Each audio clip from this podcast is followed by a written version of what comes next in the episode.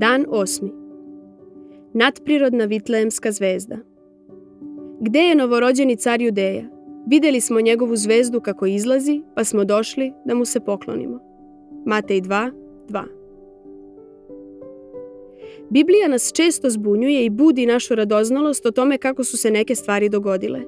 Kako je ta zvezda dovela mudrace sa istoka u Jerusalim? Ne piše da ih je vodila ili da je išla pred njima na putu za Jerusalim, nego samo da su videli zvezdu na istoku i došli u Jerusalim. Ali kako je ta zvezda išla pred njima do Vitlejema tokom kratkog hoda od 8 km? I kako je zvezda stala iznad mesta gde je bilo dete? Odgovor glasi, ne znamo. Postoje brojni pokušaj da se to objasni kao konjunkcija planeta, kao kometa, kao supernova ili kao čudesna svetlost. Prosto ne znamo. Preporučujem vam da ne postanete preokupirani teorijama koje su nesigurne i imaju veoma mali duhovni značaj.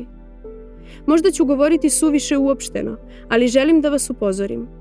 Ljudi koji su preokupirani pitanjima kako je funkcionisala ta zvezda ili kako se razdelilo Crveno more, kako je padala mana, kako je ona preživeo u ribi i kako će se mesec pretvoriti u krv, obično su ljudi koji, kako to obično kažem, imaju sklonost ka sporednim stvarima.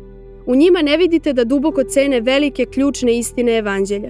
Božiju svetost, gadost greha, čovekovu bespomoćnost, Hristovu smrt, opravdanje samo verom, osveštavajući rad Svetog Duha, slavu Hristovog povratka i konačni sud.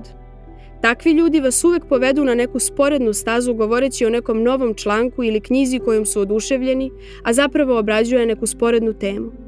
Kod njih ima malo radosti zbog velikih, ključnih istina ali kod ove zvezde je jasno da je radila nešto što joj nije svojstveno. Vodila je mudrace do Božijeg sina kako bi mogli da mu se poklone.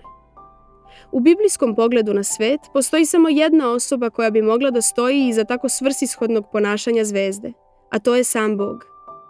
Dakle, pouka je ovde jednostavna. Bog je doveo strance do Hrista kako bi mogli da mu se poklone. To je učinio koristeći vlast koju ima u svetu, a možda i onu koju ima u svemiru. Luka izveštava kako je Bog uticao na celo rimsko carstvo da bi popis nastupio u pravi čas i doveo jednu beznačajnu devicu u Vitlejem kako bi se njenim porođajem ispunilo proroštvo. Matej izveštava kako je Bog uticao na zvezde na nebu da bi doveo šačicu stranaca u Vitlejem kako bi mogli da se poklone Božijem sinu. Sve je to Božije delo. On je to učinio tada, a tako čini i danas. Njegov cilj je da narodi, svi narodi, slave njegovog sina. To je Božja volja za sve ljude koji s vama rade u kancelariji ili su s vama u istoj učionici, istom susedstvu ili istoj porodici. Kao što piše u Jovanu 4.23. Otac baš takve klanjaoce želi. Na početku Mateja imamo obrazac dođite i vidite, ali na njegovom kraju vidimo obrazac idite i recite. Mudraci su došli i videli, a mi treba da idemo i da govorimo. Ali Božiji cilj i sila ostali su isti – On želi da okupi narode kako bi se klanjali njegovom sinu. Svet postoji da bi se svi narodi klanjali Hristu i veličali ga žarko do belog usijanja.